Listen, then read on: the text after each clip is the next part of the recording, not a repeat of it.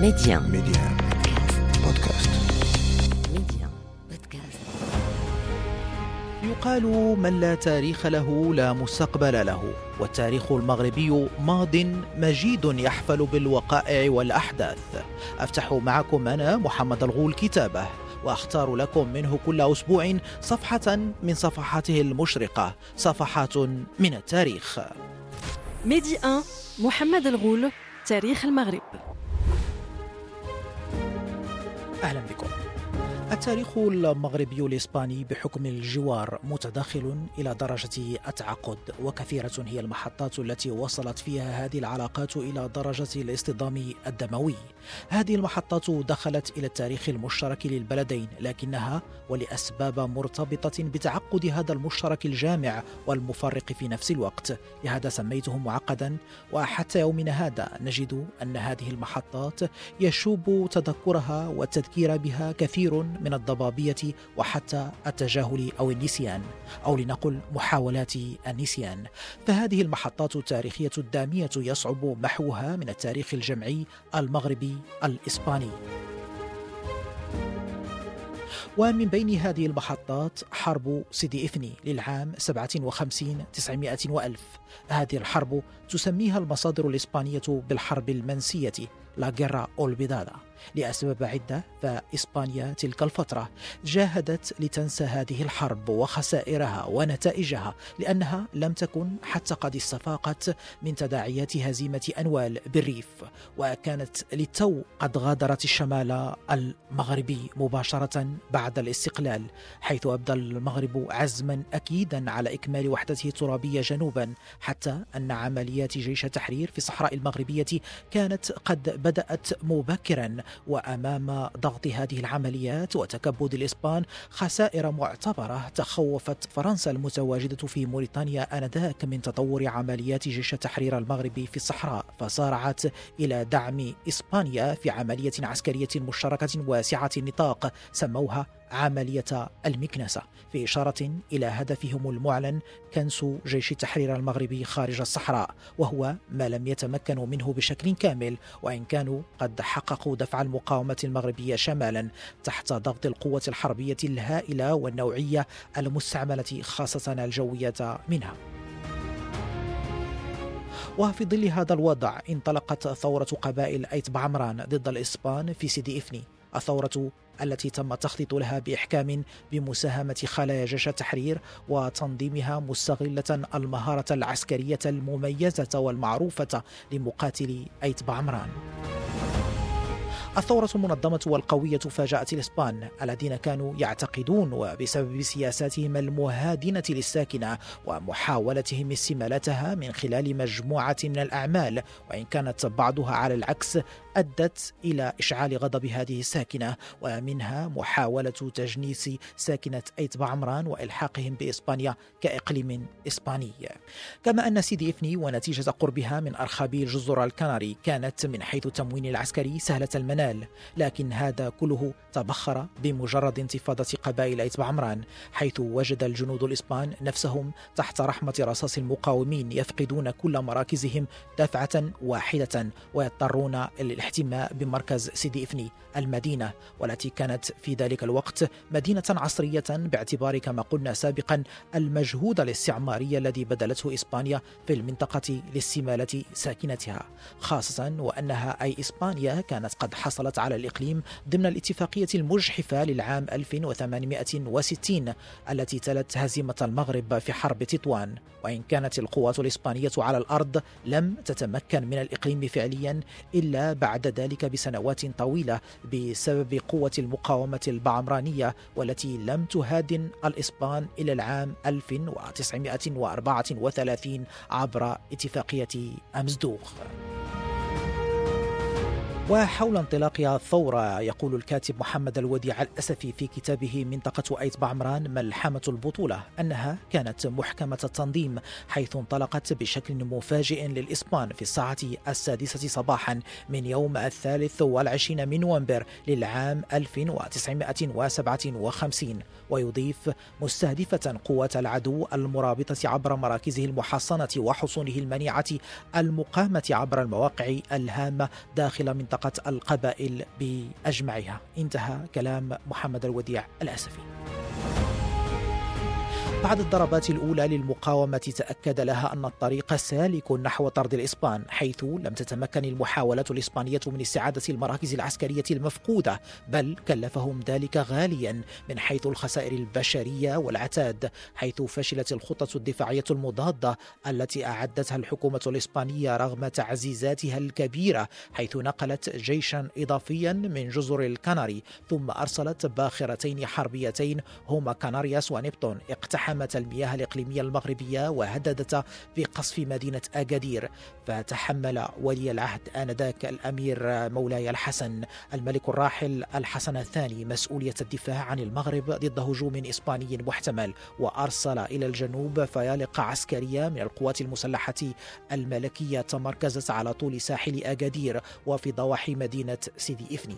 ثم أعطى الأمير المولى الحسن أوامره بإطلاق النار على كل طائرة حربية إسبانية أو أجنبية تخترق الأجواء المغربية فيما كان المقاومون البعمرانيون يشددون كل يوم الخناق على مركز سيدي إفني المحصن بالخنادق والأسلاك الشائكة والمدفعية الرشاشة وثقيلة ورغم قطع المقاومين لكل خطوط الإمداد فقد ظلت المدينة على العموم ممونة بشكل جيد عبر البحر من طرف البحرية الإسبانية. وهو ما جعل الحصار يطول مستمرا حتى يونيو للعام 1958 1950 وإن كان حصار سيديفني قد تحول بالتدريج إلى روتيني هادئ دون مواجهات قوية حيث اكتفى كل طرف بالمراقبة من مواقعه في باقي مناطق الإقليم كانت المواجهات على أشدها حيث كانت كل المحاولات الإسبانية لاستعادة مواقعها السابقة أو القوافل العسكرية عرضة لكمائن محكمة تخلف خسائر بشرية كبيرة في صفوف الجيش الإسباني وتزرع الفوضى في صفوفه في هذا السياق يحكي الجندي الإسباني أنخيل رويز. عندما وصل الجنود المظليون الإسبان إلى الجبل كانت القيادة قد حذرتهم من أن المنطقة تعج بالمقاتلين المغاربة لكن الوقت لم يسمح لنا بإخبارهم بأننا نحن من كنا محاصرين في قمة الجبل. فبدأت القذائف تنهمر علينا من مدفعيتنا. الأجساد بدأت في التطاير في كل مكان. بقوا هناك جميعا جميعا موتى. قضينا الليل بالكامل نجمع الجثث والأشلاء ونحرسها لكي لا تلتهمها الحيوانات التي تجذبها رائحة الموت والدم. هذا لم يتحدث عنه أحد ولم ينشره أحد. المعارك استمرت على هذا المنوال حتى العام 1969 حيث تم توقيع اتفاقية بين المغرب وإسبانيا استعاد بموجبها المغرب سيدي إفني بشكل نهائي. ولنقربكم أكثر من هذه الملحمة ملحمة المقاومة البعمرانية المغربية للإسبان في منطقة سيدي إفني أو الحرب المنسية كما يسميها الإسبان. نستضيف الدكتور محمد شريمي أستاذ العلوم الاجتماعية بكلية الآداب بتطوان. أستاذ محمد مرحبا بك. السلام عليكم ورحمة الله تعالى. شكرا جزيلا آه، الأخ محمد الغول على هذه الاستضافة. آه كما نعلم أستاذي الكريم آه، احتلال منطقة سيدي إفني كان سابقا لاحتلال المغرب الاحتلال كان العام 1860 ويعد من نتائج حرب تطوان التي انهزم فيها المغرب أمام الإسبان وبالضبط نتائج اتفاق إنهاء هذه الحرب والتي كانت بشروط مجحفة كما نعلم في حق المغرب ومنها تسليم منطقة سيدي افني رغم أن الواقع يخبرنا بشيء آخر هو أن ساكنة المنطقة لم تستسلم للإسبان إلا بعد سنوات طويلة من المقاومة حتى ما يسمى اتفاقية أمزدوغ سنة 1934 التي وقعها الإسبان مع قبائل أيت بعمران. هذا بالنسبة لاحتلال المنطقة لكن كيف انبعثت بها المقاومة وهي التي ظلت محتلة بعد انتهاء الحماية آه، والإستعمار في المغرب وكذا انسحاب الإسبان من شمال المغرب؟ تفضل أستاذ الكريم. إذن حرب طبعا حرب منسية. هي حرب إطلاع عمران رغم ما كتب عنها ولكن لا زالت تحتاج إلى مزيد من التنقيب ومزيد من الكتاب طبعا ارتباط إطلاع عمران بعاصمتها هي سيدي إفني سيدي إفني أو ما آه، يعرف في الكتابات التاريخية بسانتا كروز دي مارس في كينيا. ونحن نعلم ما لهذا الاسم أو هذا المكان في آه، يعني الاتفاقية التي وقعها المغرب آه، مع إسبانيا بعد حرب تطوان بين سنة 1800 1959 و 1860 والتي طبعا فرضت فيها إسبانيا على المغرب يعني الحصول على منطقة في الجنوب الغربي المغربي و كانت يعني قد بعثت بمجموعة من البعثات إلى جانب الممثلين المغاربة آه، عن السلطات أو عن المخزن للتعرف على هذه آه، المنطقة لأنها كانت آه، منطقة آنذاك قد يعني بنى بها الإسبان بناية وربما تكون هي منطقة نعيلة أو منطقة خنيفيس الموجوده حاليا بالقرب من طرفايه ونظرا طبعا لميزان القوى غير متكافئ بين الإسبان آنذاك وبين المغاربة فرضت على المغرب أن آه، يتجهوا شمالا من آه، هذه المنطقة منطقة طرفاية إلى غاية إفني أو سيدي إفني آه، الحالية واختيار هذه المنطقة من طرف الإسبان على أنها هي ما يعرف بسانتا كروزيما في كينيا أو الصليب يعني المقدس للبحر الصغير. ومن ثم أصبحت إسبانيا أطماعها تتزايد ل يعني احتلال هذه آه، المنطقة. وبعد آه، استتباب الأمر لها في منطقة شمال المغرب بالريف وجبالة وانتهاء حرب الريف آه، يعني آواخر العشرينات سنة 1900 تقريبا 27 اذا عندما انتهت من احتلال المنطقة الشمالية آنذاك أصبحت تفكر في احتلال هذه المنطقة الجنوبية. وبعدما فشلت فيها فرنسا سنة 1917 آه، عندما آه، حاولت أن آه، تهاجم منطقة ايت بعمران بمعية القائد السوسي حيدر بن ميس ولكنها فشلت لأن وجدت قبائل ايت بعمران هي قبائل شرسة في الحروب وقتلت حيدر بن ميس وقطعت رأسه. وبالتالي وقعت هناك اتفاقية بين فرنسا وايت بعمران وهي اتفاقية تيزي. لكن فيما بعد حاولت إسبانيا أن تعقد لقاءات غير مباشرة مع آه، القادة البعمرانيين للدخول إلى المنطقة. وكانت أول محاولتها للدخول المنطقة كانت سنة 1933 طبعا هي دخلت قبل ذلك إلى الصحراء سنة 1884 إلى الداخلة و1916 إلى طرفايا. ويعني من طرفايا كان هناك يعني لقاءات كما قلت ومراسلات بين القادة البعمرانيين وهؤلاء الإسبان للدخول إلى آه، سيدي افي لكن كانت المحاولة في غشت سنة 1933 وفشلت فيها إسبانيا عندما دخلت يعني دخل بعض ضباطها مع آه، بعض الأشخاص الآخرين القادمين من طرفاي عبر البحر إلى سيدي افني وقتل من قتل منهم ونجا من نجا ورجع أدراجه إلى طرفي. لكن السنة التي سيدخل فيها الإسبان إلى سيدي إفني هي سنة 1934 من قبل آه، الضابط الإسباني أو الكولونيل كاباس. ونحن نعلم أن اليوم يعني الجبهة بشمال المغرب تسمى بويرتو دي كاباس. معنى أنه كانت له خبرة في آه، الدخول في آه، السيطرة والاحتلال أو الحرب التي قامت في شمال آه،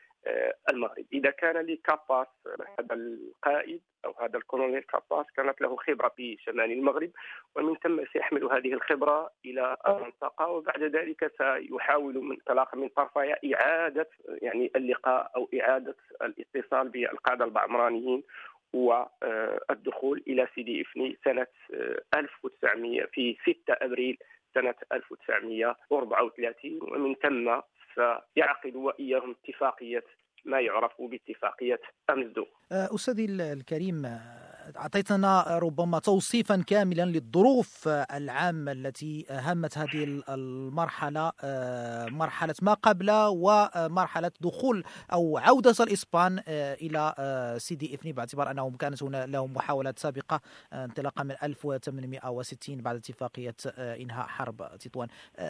كيف آه، في ظل هذه الظروف انبعثت المقاومة البعمرانية آه، بعد يمكن أن نسميها تسليمها آه، في للاحتلال الإسباني في اتفاقية أمزدو طبعا هو بالنسبة لإسبانيا إسبانيا دخلت إلى سيدي إفني سنة 1900 كما قلنا في 6 أبريل سنة 1934 هذا التاريخ لم تكن سيدي إفني موجودة في هذا التاريخ. في المنطقة أمزدو كانت فيه ثلاث منازل فقط لأناس من آه، قبيلة من القبائل البعمرانية وعندما أتى آه، الكولونيل كاباس زوده السكان بمجموعة من الأشخاص ليساعدوه. وانتقلوا معه إلى مجموع القبائل البعمرانية ليتعرف على الحدود حدود أيت بعمران جنوبا من وادي آساكا حدودا مع قبائل تكنا ثم آه، شمالا وادي بوسدرا كما هو معروف أو مكتوب إلى غير ذلك بالقرب حاليا من آه، ميرلفت وغربا المحيط الأطلسي وشرقا آه، يعني الحدود مع قبائل كذلك مع قبائل تكنا. فيما بعد تمت هذه يعني هذه النواة تزداد وتتطور بالجيش يعني الإسباني الذي أصبح يحل من إسبانيا من شبه الجزيرة الإيبيرية ومن جزر الكناري وتطورت هذه المدينة وأصبحت هناك مجموعة من المراكز قبائل خاصة منها الأسواق الأسبوعية التي تعتبر هي مراكز الأسواق مراكز القبائل المجاورة لسيدي افني والتي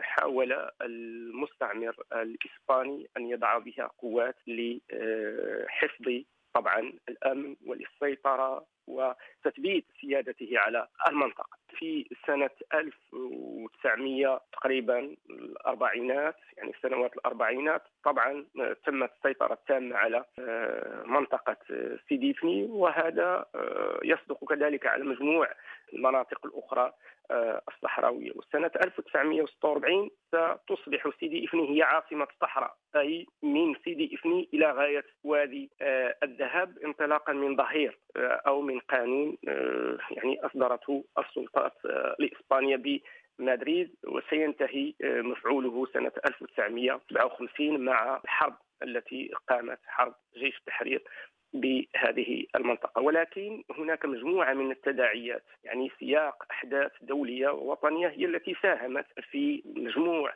المشاكل والانتفاضات والحرب التي عرفتها هذه المنطقة. أولا هناك أحداث دولية طبعا ووطنية منها تداعيات الحرب العالمية الثانية على المغرب بعد انهزام طبعا الجيش الفرنسي سنة 1940 آه، على يد القوات آه، الألمانية.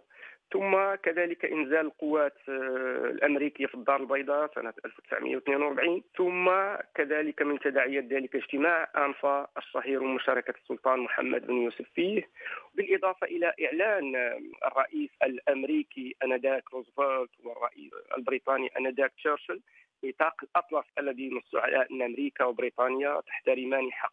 طبعا جميع الشعوب في أن تختار نوع الحكم الذي تريد أن تعيش في ظله. ولكن بالإضافة إلى هذه الأحداث العالمية أو الأحداث الدولية هناك طبعا سياق آخر وهو السياق المحلي للأحداث التي عرفتها منطقة اتباع عمران وسيدي إفني. وخاصة منها مجيء الحاكم العام لسيدي إفني وهو بيرميخ سنة 1940 وهذا الأخير سيحاول إرساء مفهوم السيادة الإسبانية على منطقة إكبعمرة وسيسعى كذلك بيرميخو إلى أصبنة المجتمع البعمراني باعتبار أن آه، قانون الجنسية أو التجنيس آه، صار على السكان. طبعا انطلاقا من مفهوم السيادة الذي تبنته الإدارة المركزية آه، لأراضي إفني أو تيريتوريو دي, دي إفني. وبالإضافة إلى ذلك كانت تكتب عقود الزواج بالإسبانية وأحيانا بالعربية ولكنها تحمل العلم الإسباني. وبدأت